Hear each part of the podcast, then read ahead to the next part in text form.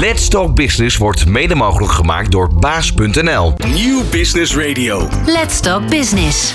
Heel hartelijk welkom bij deze editie van Let's Talk Business, waar we met ondernemers in gesprek gaan over hun bedrijf, hun rol in de markt en de uitdagingen en mogelijkheden die daarbij komen kijken. En een van die uitdagingen is het probleem op het Nederlands elektriciteitsnet. Deze vormt een grote belemmering voor de overstap bijvoorbeeld naar groene stroom, de zogeheten energietransitie. Met een combinatie van zonnepanelen, een batterij, slimme software en een dynamisch energiecontract kunnen bedrijven veel problemen met teruglevering van elektriciteit oplossen. Want ja, die netcongestie, op welke manier ehm, zet hij nou de klimaatdoelen onder druk? En wat zou ieder bedrijf eigenlijk moeten weten over het gecontracteerd vermogen? In deze uitzending van Let's Talk Business ga ik erover in gesprek met Jacob van Leeuwen, directeur van Kiwat. Kiwat wil energieopslag eenvoudig maken voor ondernemers en particulieren. Want dromen over een duurzame installatie is mooi, maar er echt iets aan doen is natuurlijk beter. Hoe? Dat hoor je in dit uur van Let's Talk Business. Ondernemende mensen, inspirerende gesprekken, innovaties en duurzaamheid. Let's Talk Business. Met Fabienne de Vries. Ja, en met Jacob van Leeuwen, welkom. Dankjewel. Ja, leuk dat je er bent. We gaan duiken in de wereld van uh, de energie, maar ook de batterijen. Want dat is bijna Ja. onlosmakelijk uh, vandaag de dag met elkaar verbonden. Um, allereerst even over jou, even jou, met jou kennis maken. Uh, waar krijg jij energie van? Als iets niet lukt. Wauw. Als iets gewoon moeilijk is, als je gewoon uitdagingen ziet waar anderen uh, het niet zien zitten, dan ga ik verder. Oh, dat is mooi. Gewoon, uh, ja, daar krijg ik energie van. Gewoon, en van mensen. Echt dus ook een probleem op, op probleem oplossend ja, wat, vermogen. Als er iets niet is, uh, dat creëren. Ja. En dat heb je ook met, uh, met mijn onderneming Delectro, heb ik dat ook echt wel ervaren. Ja, laten we heel even beginnen bij het begin. Want jij bent al twintig jaar ondernemer. Ja. En nog hartstikke jong. Dus je bent ook heel jong begonnen. Hoe oud was je? Ik was 23 toen ik bij mijn vader in dienst kwam. Dat is in 2003. En, en wat voor een bedrijf had hij? Hij had een elektrotechnisch installatiebedrijf. Uh, als ZZP'er. En ik kwam uh, als ICT'er kwam bij mijn vader in dienst. Althans, hij stelde de vraag van ja, kun je mij helpen? En uh, ja, ik was eigenlijk helemaal niet bezig met ondernemen. Ik was wel bezig met uh, dingen die ik zag, hè, wat, ik, wat ik veranderen wilde. En ik heb tegen mijn vader gezegd, nou dat is goed, maar dan wil ik echt wel een bedrijf op gaan zetten. Ik wil echt serieus in de markt bekend staan als uh, de installateur van uh, Midden-Nederland. En uh, nou, dat hebben we gedaan. Tegen het zere been wel vaak van mijn vader aan. Want uiteindelijk schop je wel een keer tegen hè, wat, wat heilige huisjes. Omdat? Nou, hij was wel echt conservatief. Hij was, doe, maar, doe maar normaal, dat doe je al gek genoeg. En ik wilde gewoon een nieuw bedrijf, een nieuw elan, een nieuw, ja, een nieuw business opzetten wat uniek was. Maar jouw vader was dus ook ondernemer? Ja, dat is wel lastig. Hè? Mijn vader, achteraf, is die niet, achteraf was hij niet echt een ondernemer. Hij was, uh, ik zeg altijd, hij was een gefrustreerde medewerker. Oké, okay, maar wel met een eigen bedrijf. Absoluut. Ja. En uh, in elektrotechniek ja. installaties, en dat gebeurt bij bedrijven of bij mensen thuis ook? Ja, in eerste instantie was het, uh, je begint klein, je begint met uh, kleine installaties, uh, kleine woningen, wat, wat utilitaire projecten hebben we natuurlijk in beginsel gedaan.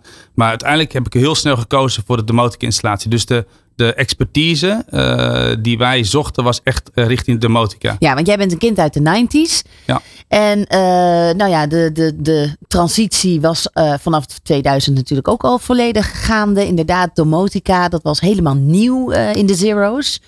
Nou ja, misschien niet helemaal niet nieuw.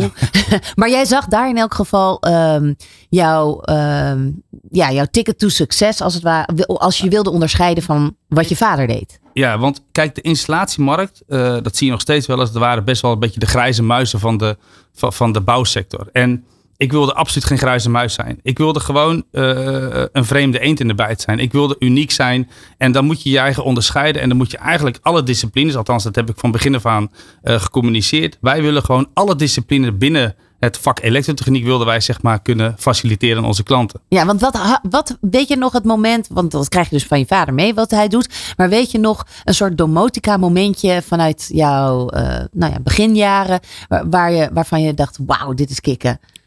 Ja, weet je, kijk, het automatiseren is sowieso gaaf. Hè? Dus alles uh, wat ik gaaf vond, is dat mensen uh, verrast waren door de dingen die achter de schermen plaatsvond. Dat het gewoon geautomatiseerd is. Dat, dat kun je overbrengen. Maar bij mij ging het al heel snel om een stukje design. Ik vond het mooi om met luxe woningen uh, bezig te zijn. Met een stukje interieur. Mensen enthousiast maken dat in een interieur ook automatisering te, thuis hoort. Dus het is, het is veel breder dan dat. Ja. En uh, ik vind het ook leuk om met mensen om te gaan. Uiteindelijk ben ik niet echt een elektrotechnicus. Want uh, de opleiding die ik genoten heb was... Had ICT? Ja, als ICT. Dat was helemaal niet echt elektrotechnisch.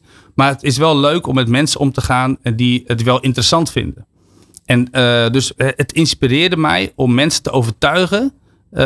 dat ze met een installateur te maken had die gewoon ook in dat wereldje wilde zijn. En, ja. en ook in dat wereld dat, dat, dat, dat hij dat begreep. Inmiddels zijn we 20 jaar verder. En ergens in die 20 jaar, want uh, de Electro heeft volgens mij ook uh, pas geleden een heel domotica-huis in. Uh, ja, wij hebben een showroom gebouwd in 2012. Gebouwd? En in 2019 hebben we een pand gebouwd in Ede.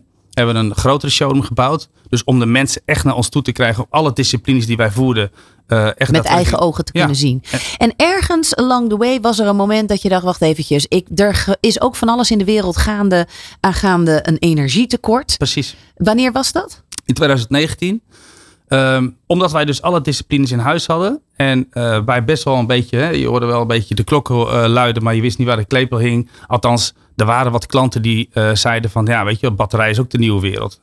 En wij hadden een opdracht verstrekt aan een, een zonnepaneleninstallateur om de zonnepanelen op dak te plaatsen. En toen zei ik tegen de architect, ik wil een, ik wil een showroom bouwen buiten, want ik wist wel dat die buiten moest, geplaatst moest worden, met een batterij erin.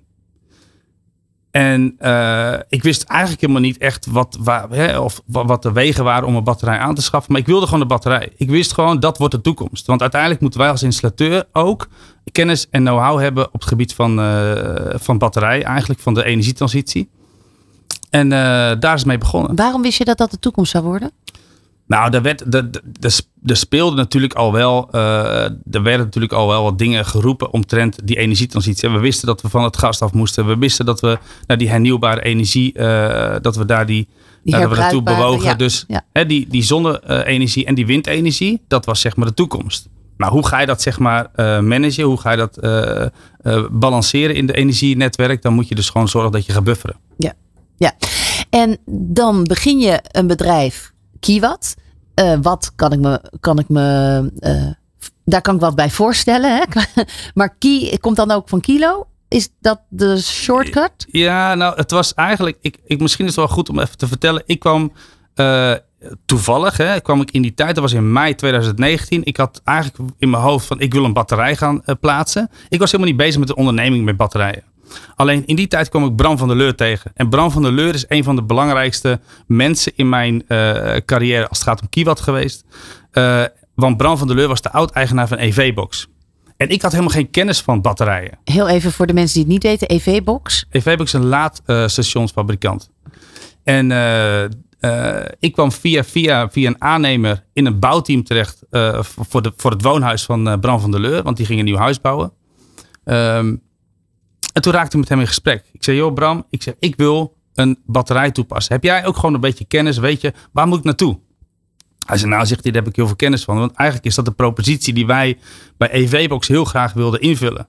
Alleen heb ik nooit tijd voor gehad. In 2017 heb ik het verkocht. En vandaar dat hij mij ook uh, wat meer heeft laten zien in de wereld van die batterijen. Ja. En toen begonnen we eigenlijk aanvankelijk met een uh, second life battery. En een second life battery is een gerecyclede? Nee, dat is een batterij die uit een, een, een, afgeschreven auto komt. Een elektrische auto. En daar wilden wij een tweede leven aan geven. Vandaar dit second life battery. Ja, nou hoe je dan inderdaad zo'n zo'n zo'n batterij dan echt helemaal op... Uh, nou ja, of een nieuw leven geeft. Daar wil ik later nog even op terugkomen. Eerst nog heel even, je bent dus met die batterij in de weer. Waarbij over het algemeen volgens mij ook wel de software of de batterij zelf uit China komt. De cel, yes. En dan binnen een jaar dat je dit, dit dus opstart, uh, breekt de pandemie uit en wordt, gaat alles op slot vanuit China. Wat Ja. gebeurde er toen met Kiwat? Ehm, Of met jou? nou, soms is het ook wel even goed om in een soort rustigere periode terecht te komen. Dan staat alles een beetje stil. Waar wij toen op zoek naar waren, was eh, om te kijken naar bedrijven die in Nederland al batterij produceerden. En daar liepen wij echt wel tegen de, eh, tegen de lamp. Want uiteindelijk was er nog helemaal niet echt een partij voor ons die een batterij uh, konden uh, assembleren of, of konden configureren. Om zeg maar daar een stukje software in te ontwikkelen. Dus in die periode, dat was in 2020, hebben we dat, die acquisitie gedaan. En uh, we hebben verschillende bedrijven aangeschreven, ook met verschillende bedrijven in gesprek gegaan. Uiteindelijk kwamen we er niet uit. En toen hebben wij in 2021 pas, dus al, ja, dat is dan anderhalf jaar later, uh, zijn we op zoek gegaan naar onze eigen cellen, onze eigen producten. En hebben we eigen producten ontwikkeld om zeg maar die battery stack die we nu uiteindelijk hebben, om die uh, zelf te ontwikkelen. En, en vanaf die tijd hebben we pas echt de cellen uit China gehaald. Hm. Dus 2021, 2000 21, ja. Toen waren, de, toen waren de grenzen weer open. Toen was het 2020, hebben we uiteindelijk de eerste bestelling gedaan. En de eerste zending kwam eind 2020, 2021. Ja. Hoe overbelast Nederland is als het gaat uh, om energie? Um, en hoe dat zo komt, dat, uh, dat horen we zo. Blijf luisteren. Dit is Nieuw Business Radio. Let's Talk Business met Fabienne de Vries. Ja, en uh, we zijn in gesprek met Kiewat, althans met uh, Jacob van Leeuwen van Kiewat, um, over de batterij waarbij je energie uh, kunt opwekken. Of tenminste. Opwekken niet. Opwekken niet, maar gebruiken Absoluut. en teruggeven. En daar gaan we het zo over hebben. Um, want die hele netwerkcongestie. Wat, hoe staat dat er nu op dit moment voor in Nederland? Slecht. Ja, hè? Ja. Kijk. Wat betekent slecht? Nou, er zijn gewoon heel veel problemen. En uh, kijk, die congestie, dat heeft te maken met, het, uh, met de capaciteit van het netwerk, van het elektriciteitsnetwerk. En omdat we natuurlijk steeds meer gaan, uh, energie gaan verbruiken, dus steeds meer energie gaan consumeren. Dus die elektrificatie in Nederland, die neemt hand over hand toe. Dat betekent dat dat afgestemd moet worden met het elektriciteitsnetwerk. Dus de bekabeling in de grond. Even voor de eenvoud.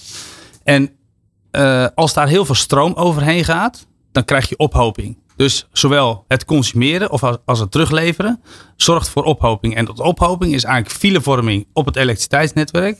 En dat noemt, dan, uh, dat noemt men congestie. Congestie. En het is op dit moment dusdanig gesteld dat als je nu een nieuw bedrijf in Noord-Holland of waar dan ook, uh, of in, ja. in Nederland wil beginnen dan heb je heel grote kans dat je dus geen, geen aansluiting krijgt. Aansluiting op het elektriciteitsnetwerk. En dan moet je daar dus een andere oplossing voor bedenken. Nou, dat is waar uh, Kiewat om de hoek kan komen kijken. Want hoe werkt dat dan? Hoe ga, hoe, hoe, wat, heb jij, wat hebben jullie, of wat doen jullie met Kiewat waardoor, er, waardoor je dus wel energie nou, krijgt? Kijk, wij helpen ondernemers. Of elektra moet ik zeggen. Wij helpen ondernemers, ook particulieren. Kijk, particulieren hebben in die zin niet heel vaak problemen met congestie. Dat kan natuurlijk op wijkniveau wel plaatsvinden. Uh, maar de grotere problemen zitten met, vaak, met name bij de ondernemers. En wij uh, geloven dat die problemen alleen maar erger worden. In de komende jaren, uh, zeker de komende 7, 8 jaar, worden die problemen alleen maar erger. En wij lossen dat probleem op door te bufferen of zeg maar door extra capaciteit achter de meter te genereren. Dus als je een minimale aansluiting kunt krijgen van je netbeheerder, uh, die is vaak veel kleiner dan zeg maar benodigd, omdat je apparatuur hebt die uh, meer vraagt. En, uh, of dat je elektrische auto's hebt. Nou, dat kun je zelf ook wel invullen. Alleen wij gaan dus extra capaciteit achter de meter toepassen. Dus we gaan overdag gaan we die capaciteit gebruiken. En s'nachts gaan we die batterij laden om overdag extra capaciteit te, te genereren. Of in ieder geval te, te beschikbaar te stellen voor de installaties. Want op dit moment gebeurt dat niet. De, de, de batterijen die verbruiken alleen maar. Nou, je, je, je laat hem op door, uh, via dat elektra? Kan, ja, dat kan uh, door zeg maar zonne-energie of door windenergie. rechtstreeks op je aansluiting. Maar dat kan ook gewoon door s'nachts vanuit je elektriciteitsaansluiting te laden. En overdag, hè, want s'nachts gebruiken we het minst. En overdag, als je die capaciteit extra hebt, ga je die juist onttrekken van je batterij. Dus dan heb je en je aansluiting, plus daarbovenop je capaciteit van je batterij. Nou, dat kun je dus verdubbelen, kun je verdrievoudigen, dan kun je verviervoudigen. Uh, afhankelijk, van, afhankelijk, of in ieder geval afhankelijk van wat jij nodig hebt. -hmm. En, uh, want daar zit volgens mij bij jullie de, een belangrijk gegeven dat je.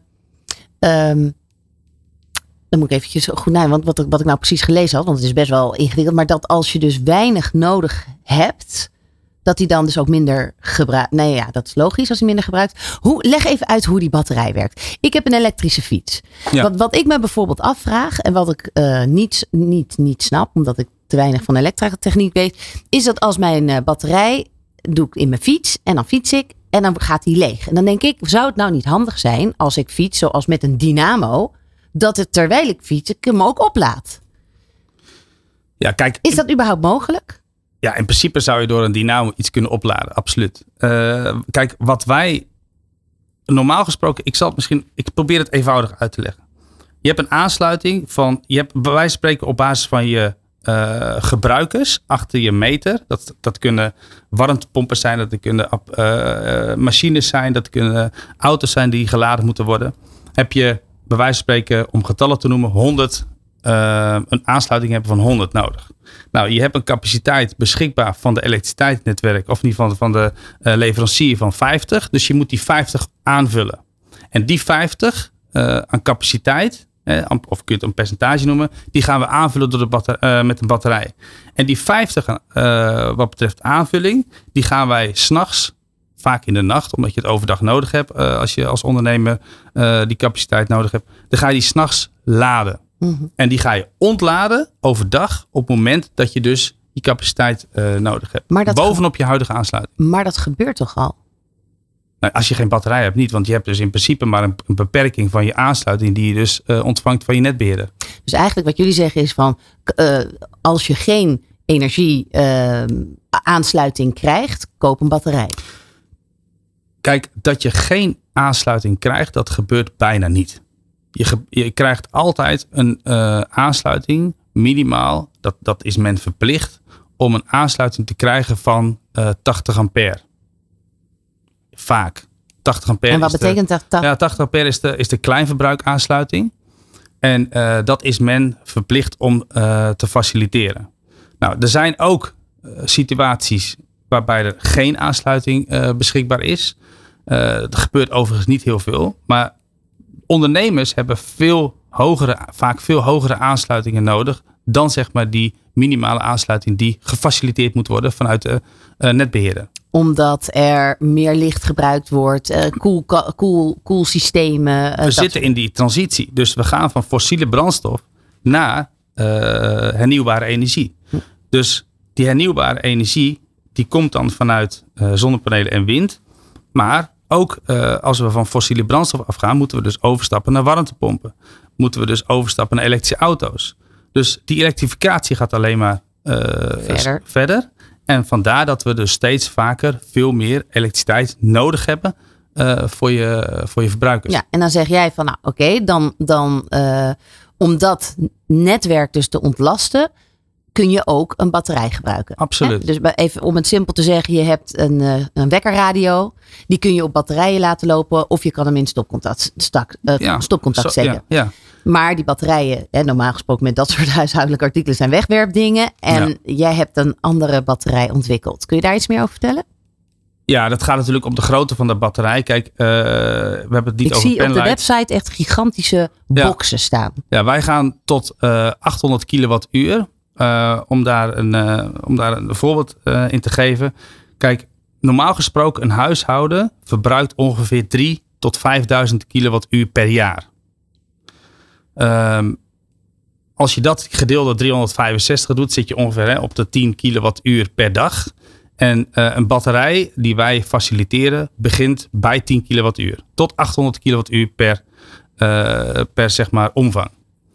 Dus als jij een batterij, eh, als jij een energieverbruik hebt van 10 kilowattuur, dan heb je dus een batterij ook vaak nodig van om en nabij die 10 kilowattuur. Nou, en dat kun je gewoon af, afhankelijk van je, zeg maar, je gebruik achter de meter, eh, zet je daar een batterij tegenover. En hoe die batterij werkt is, is ja, daar zit natuurlijk een stukje software achter.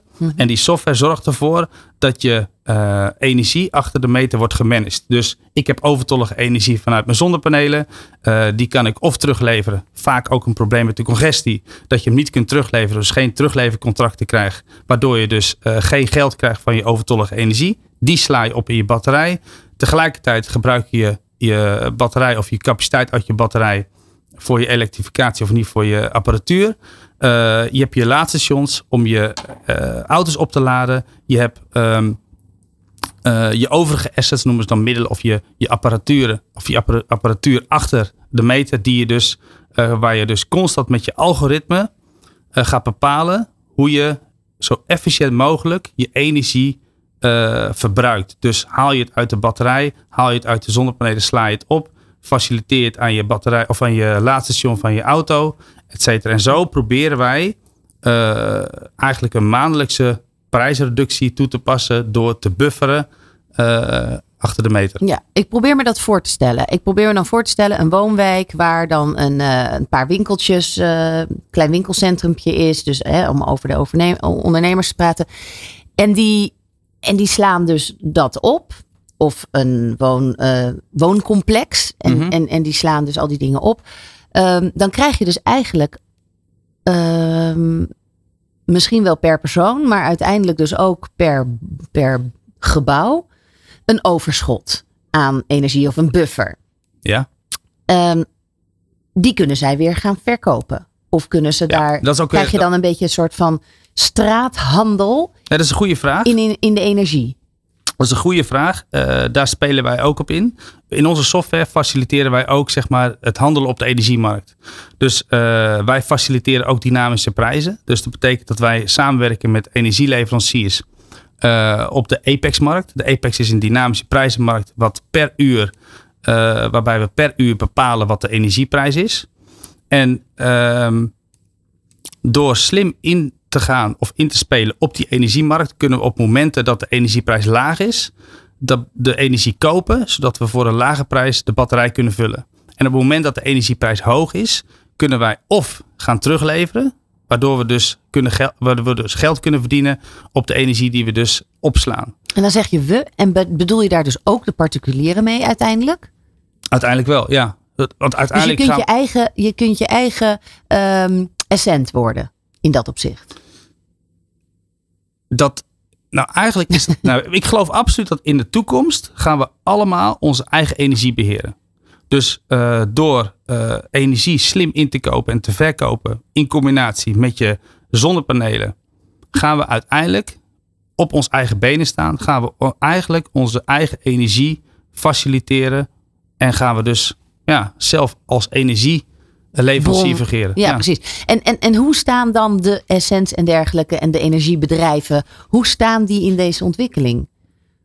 Is die, Ja, die, die, die spelen daar volop op in. Dus die gaan ook eh, natuurlijk in die batterijwereld eh, gaan ze opereren. Ze hebben er natuurlijk ehm, veel minder kennis eh, van dan dat wij hebben.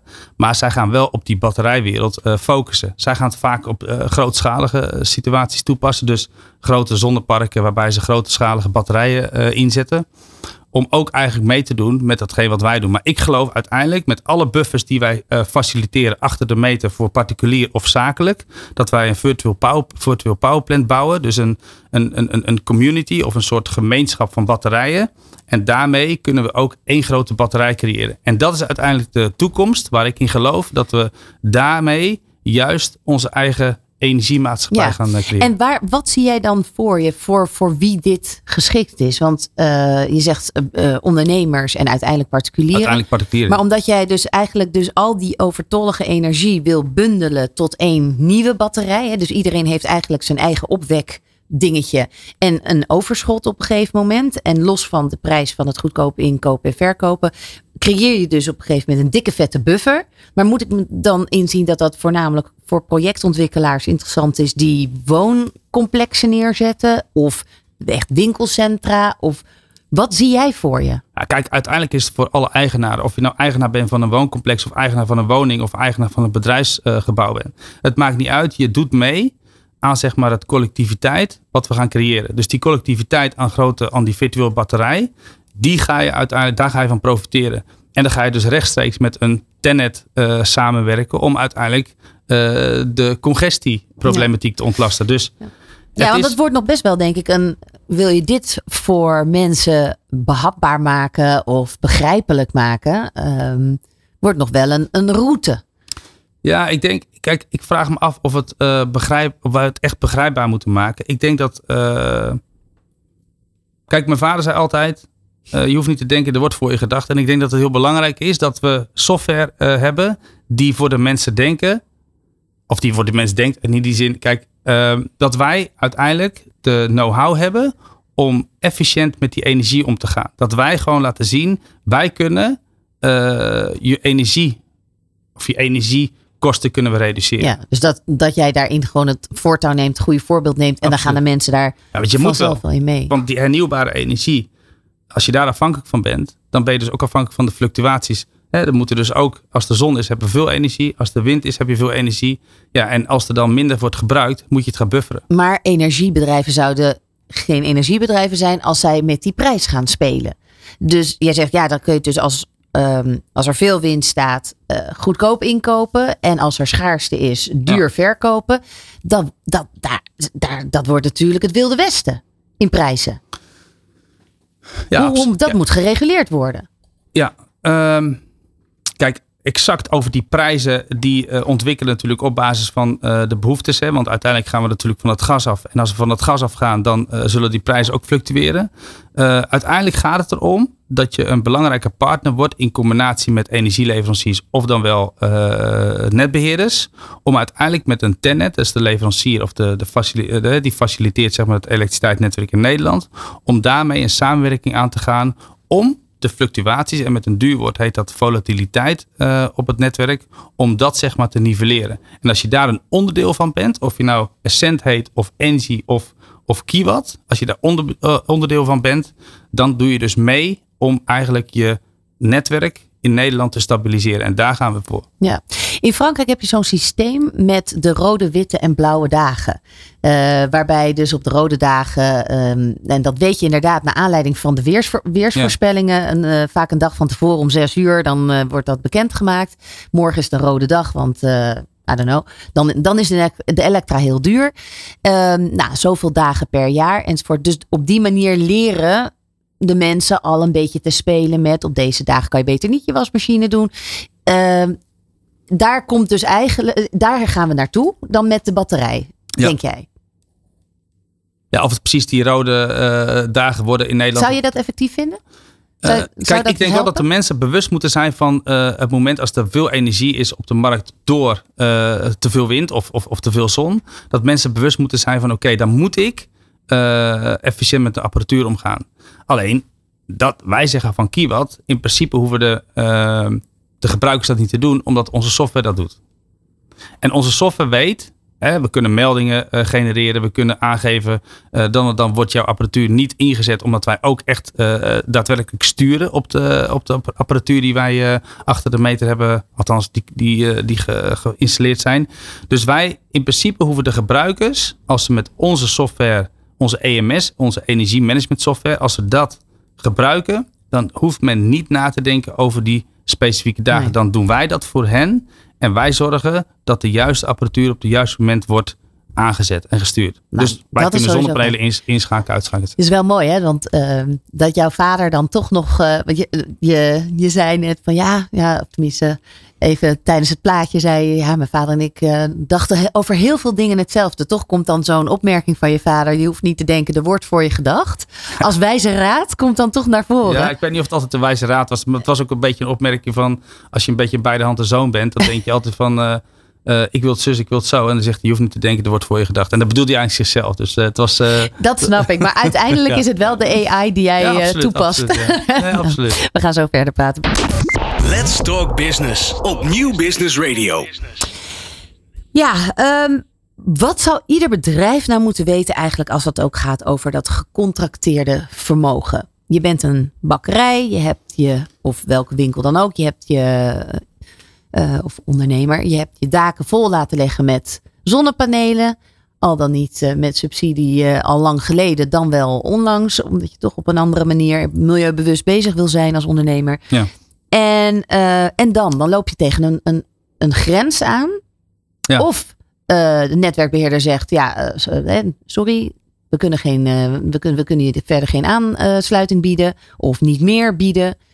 Hoe werkt dat? Ja, ik, kijk, dat probleem liepen wij uh, met ons bedrijf ook tegenaan, ons gebouw. Uh, wij hebben een aansluiting. Ik probeer het eens zo eenvoudig mogelijk te, uit te leggen. Wij, je hebt een aansluiting die je, ehm, die je bepaalt eigenlijk, hè, wat ik al eerder vertelde, op basis van eh, je verbruikers achter de meter. Dus die aanvraag doe je bij je netbeheerder. En eh, dat varieert van eh, wat ik al zojuist benoemde, 80 ampère of eh, 250 ampère. Of tot, zelfs tot 400 ampère. Of dan ga je naar een eigen travenstation boven de 250 ampère.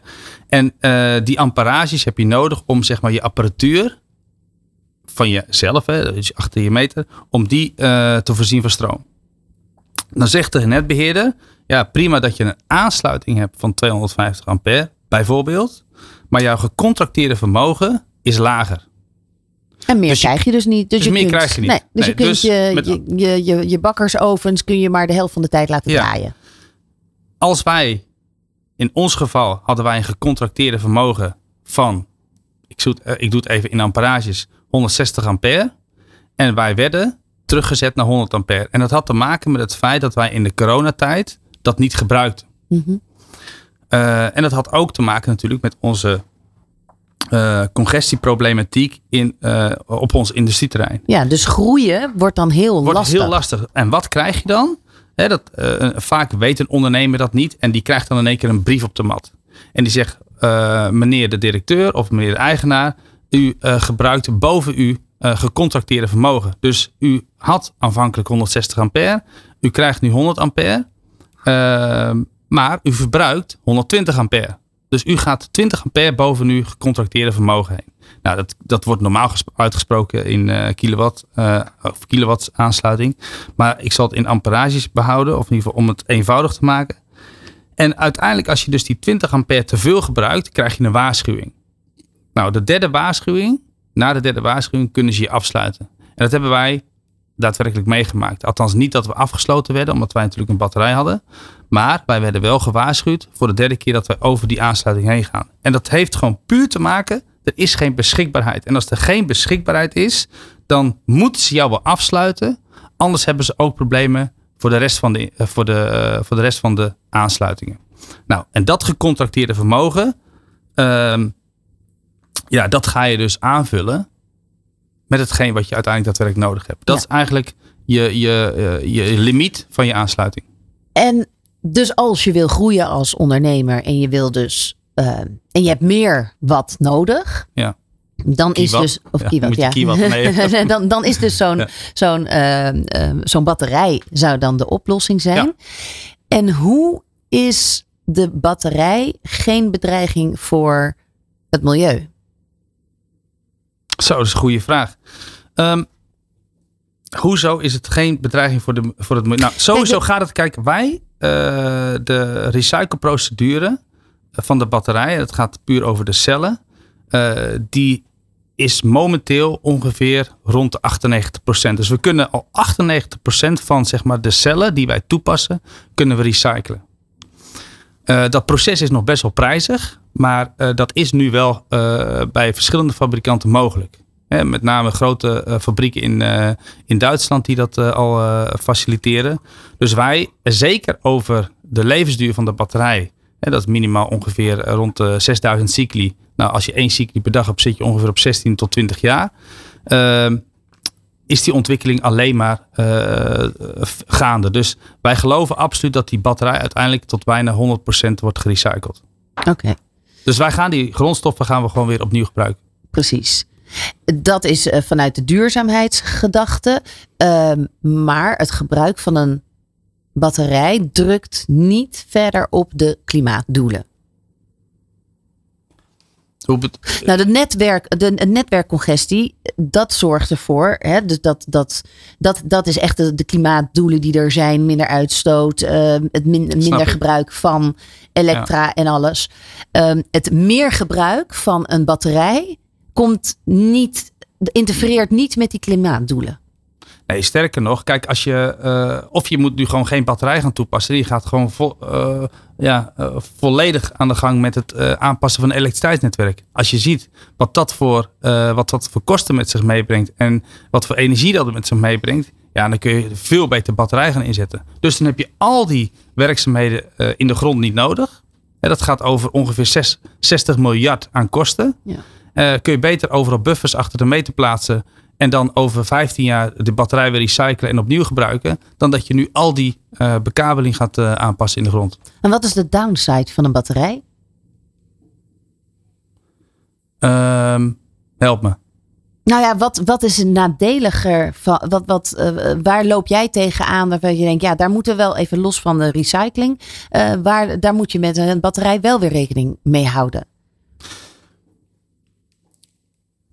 Kijk, onze batterij kunnen we op dit moment uh, verzekeren. Er zijn natuurlijk altijd normeringen waar we mee te maken hebben. Uh, ik denk dat de verzekering of de verzekeraars een belangrijk uh, punt is voor ons. en wij kunnen op dit moment met de verzekeraars waar we mee samenwerken, kunnen we onze batterijen verzekeren. Nou, de normering, de PGS 37, die heb al de ene en de tweede ontwikkeling, heb je te maken met wat de, wat de minimale eisen zijn van de capaciteit die je mag toepassen in je woning, in je gebouw, et cetera. Nou, en uh, door samen te werken met de juiste verzekeringsmaatschappijen, kunnen wij met uh, gecompartimenteerde ruimtes, binnen of buiten, kunnen wij de batterij verzekeren. Dat was uh, overigens een aantal jaren geleden wel een issue, op dit moment niet. Oké. Dus, dat, dus die hobbel op de weg, uh, ja. die, die is weg. Als je nou terugkijkt, zo, uh, want enerzijds heb je dus uh, Delectro al, al 20 jaar, inmiddels alweer bijna vier jaar onderweg met Kiwat. Um, als je daar vanuit een ondernemersoogpunt naartoe terugkijkt, wat was de grootste bottleneck die je hebt overwonnen? Nou, ik denk um, het eerste wat me te binnen schiet is 2013. 2013 wat, uh, hadden we best wel een heel moeilijk jaar. Um, op sterven naar dood. En uh, toch geloven in, uh, in jezelf, in je, in ondernemerschap. Wat was de aanleiding dat het op sterven na dood was? De economische omstandigheden. Dus de, de, de laagconjunctuur waar we toen in de, destijds in zaten, dat zorgde ervoor dat wij minder werk hadden. Uh, we liepen tegen een aantal faillissementen aan van partners. En dat uh, zorgde ervoor dat je uiteindelijk in combinatie met de investeringen die we destijds deden, dat je, ja. Dat Hoe je, groot was het bedrijf toen? Wat, hoeveel mensen? Toen waren we met uh, rond de 25 tot 30 man. Ja. En nu zitten we rond de 55 man. Ja. En, en dat was dus de situatie. En hoe heb je dat aangepakt? Ja, in jezelf geloven. Ik, ik, kijk, ik heb best wel veel meegemaakt. En uh, als ik alles moet vertellen wat ik meemaak, dat verdient ook niet altijd schoonheidsprijzen. Maar ik denk dat, je, dat het belangrijkste is als ondernemer gewoon in jezelf geloven. En dat je gewoon altijd het doel voor ogen moet uh, houden. En altijd uh, niet in problemen denken, maar in uitdagingen. Om een voorbeeld te geven. Wij, uh, met Kiewat hadden wij best wel wat uitdagingen omtrent hard- of productontwikkeling en softwareontwikkeling.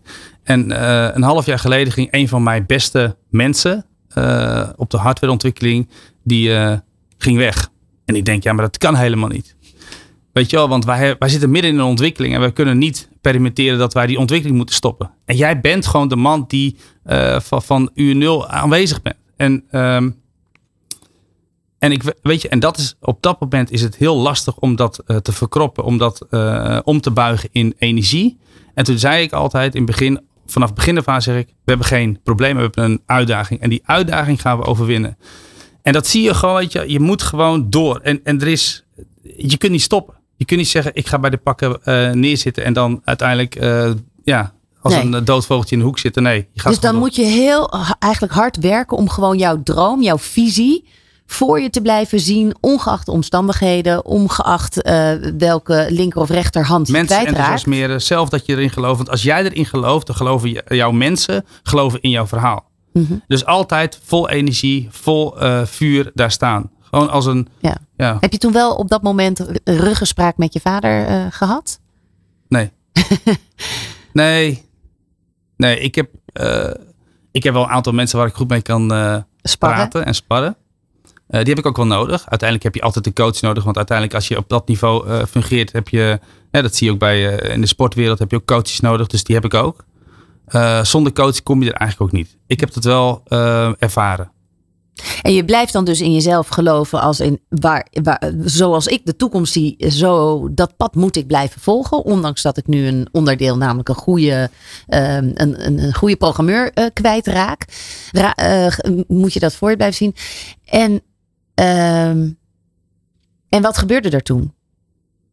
Ja, dat is wel eh, grappig. Kijk, je gelooft erin en dan, eh, je, je verwacht eigenlijk niets, maar dan eh, door het eh, uit te spreken, eh, ja, volgen er wel, zeg maar, verrassingen op je, komen er verrassingen op je pad. En, en in een maand tijd hadden we een sollicitant, waarvan ik tegen mijn collega zei, maar dit, dit kan toch niet waar zijn?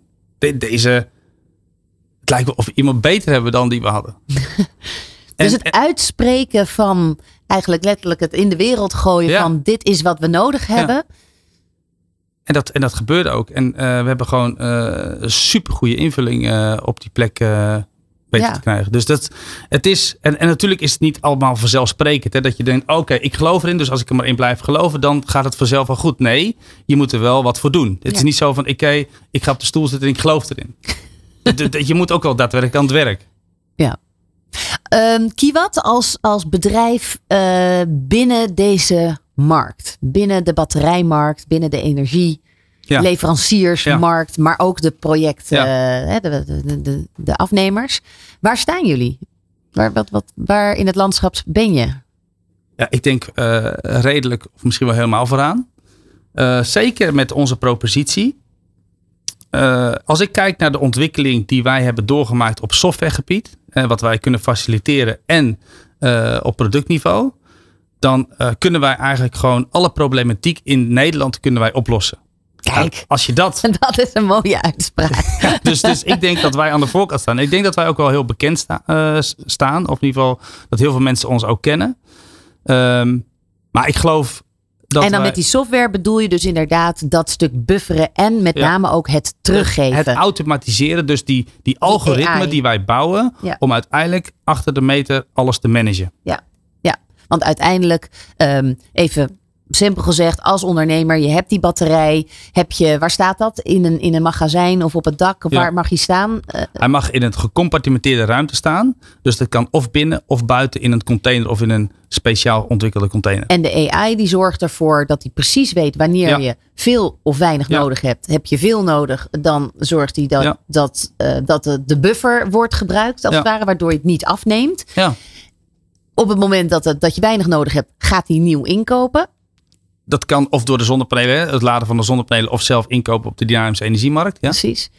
En hij zou uiteindelijk ook nog als buffer voor je buurman gebruikt kunnen worden. Of af, eh, eh, als verkoop. eh, Ja, te- uiteindelijk gaan we daar naartoe. Hè? Wat ik al vertelde, die virtual power plant, die, die, die community die we gaan bouwen, die gaan we dus gebruiken om ook, zeg maar, eh, met buurmannen of met, met, zeg maar, met je buurman de, de energie te verdelen. Ja. Dus Ja. als je een buurman hebt die eh, nog energie nodig heeft, ik denk dat je zelf al eh batterijen zou kunnen aanschaffen. Nou ja, ehm, het hangt er natuurlijk een beetje vanaf, lijkt mij, hoe je woont. Want is dit ook voor een gemiddeld appartement in een stad? Is, is dit meer voor de, wij- de, de, de, de huiswijken? Ja, kijk, De wijkhuizen, moet ik zeggen. lossen appartementencomplexen op door gewoon eh, centraal een batterij eh, te faciliteren. En daar waar wij, waarbij alle eh, bewoners dus gebruik kunnen maken van die buffer. Op wijkniveau zijn het wat kleinschalige batterijen. Je hoort ook natuurlijk Maar kun je als particulier nu gewoon zeggen, wonend, weet ik veel, op de begane grond of één hoog ergens in Rotterdam of Amsterdam, gewoon een, een, een, een, of een grachtenpand of iets, daar kun je gewoon particulier aanschaffen. Absoluut, dat doen we ook. Ja, dat, dat, dat faciliteren. Alleen wat ik wel, Is dat dat is een kanttekening. Op dit moment hebben we nog te maken met de salderingsregeling. En die salderingsregeling zorgt ervoor dat je dus je overtollige energie in de zomer, die je opwekt, die kun je dus verrekenen met de, het energie wat je dus verbruikt in de winter. Dus hè, dat is het eh, ehm, afzetten of in ieder geval het eh, verrekenen met elkaar. Ja, want nu gooien we eigenlijk energie weg. Dan. Ja, in heel veel gevallen. Ja, absoluut. En dat eh, ga je dus verrekenen. En daar, eh, op, voor, voor die particulieren, is het op dit moment niet direct interessant om een batterij toe te passen. Alleen wij geloven, en zeker met de ontwikkelingen met het kabinet en, en dat de salderingsregeling wordt afgebouwd, geloof ik absoluut dat het kabinet ook een besluit gaat nemen dat die saldering vanaf 2025 wordt afgebouwd. En dan heb je gewoon een buffer nodig om eh, de percentage die wordt afgebouwd, om dat op te slaan in de batterij. En de saldering, daarmee bedoel je wat men gemiddeld mag verbruiken per huishouden. Nee, dat is niet wat je mag verbruiken. Dat is de saldering is wat je zelf te veel opwekt vanuit je zonnepanelen en niet gebruikt, dus teruglevert aan het net, dat verrekenen met hetgeen wat je in de winter extra, Nodig in hebt. ieder geval verbruikt. Ja. Nou, helder verhaal. We gaan, eh, we gaan naar de ondernemersvraag. Je mag een, eh, een getal noemen onder de 15. Of zo. Ja, Ze- onder de 15. Ja, jij? Zeven. 7. Nou, die is wel heel. Dat is wel een. We gaan die nu- nummers eens een keer veranderen. Komt die? Leg je bedrijf uit in één zin. Oh, doe dat maar eens. Met dit onderwerp is het wel een uitdaging, denk ik. Maar daar ben jij van, van de uitdagingen. Ehm, wij als Kiwat geloven dat wij over eh, binnen een aantal jaren ehm, een groot gedeelte van de Nederlandse huizenmarkt en bedrijven voorzien van een intelligente buffer, waardoor we de energiemarkt of de energietransitie kunnen versnellen. En wat helpt het mensen? Rust, eh, vertrouwen, geen fluctuaties, geen spannende energiestijgingen, maar gewoon eh, consistent gebruik van je energie. Mooi. Heel mooi. Nou, ehm, de komende tijd. Wat staat er op de agenda? Welke belangrijke beslissing sta je nu voor? Nou, er zit echt, ja, ik, dat, dat, dat, is- leger. Want we gaan natuurlijk gewoon door met de ontwikkeling. En eh, we hebben volgend jaar echt wel veel op de roadmap staan. Dus eh, we gaan, eh, wat wel misschien wel goed is om te, om uit, we gaan natuurlijk met verschillende pro- proposities verder. Hè. We gaan ook verder uitbreiden. We hebben gezegd dat we tot 800 kilowattuur gaan, maar we gaan ook grotere batterijen faciliteren. Dus wij zijn nog voorlopig nog niet uitontwikkeld. Nee. En wat zegt jou, eh, als je nou vanavond met je vader aan de, aan, aan, aan de, aan de eettafel zit en hij heeft dit programma meegeluisterd, wat zal hij dan tegen je zeggen? Ja, dat past wel bij jou. Je hebt altijd wel een grote mond, dus eh, ja, Ga het maar doen, jongen. Ga maar gewoon doen. En eh, ik geloof in je. En eh, ja, ik, ik, ik, ik, ik, ik, ik zit niet heel vaak met mijn vader aan de eettafel. Maar ik denk wel dat hij dat zou zeggen. Ik denk dat hij wel moet lachen. En dat hij eh soortement eh plaatsvervangende zenuwen zou hebben als hij dit zou moeten doen. Ja. dus niet alleen eh, eh, in jezelf geloven, maar je vader gelooft ook in je. Ja, dat geloof ik al, ja. Heel goed. Jacob van Leeuwen, dankjewel. Ik wens je super veel succes eh, met jullie hele crusade in deze eh, ja, uitdagende business. Kiewat, dankjewel. Dankjewel, Fabienne. Van hippe start-up tot ijzersterke multinational. Iedereen praat mee. Dit is New Business Radio.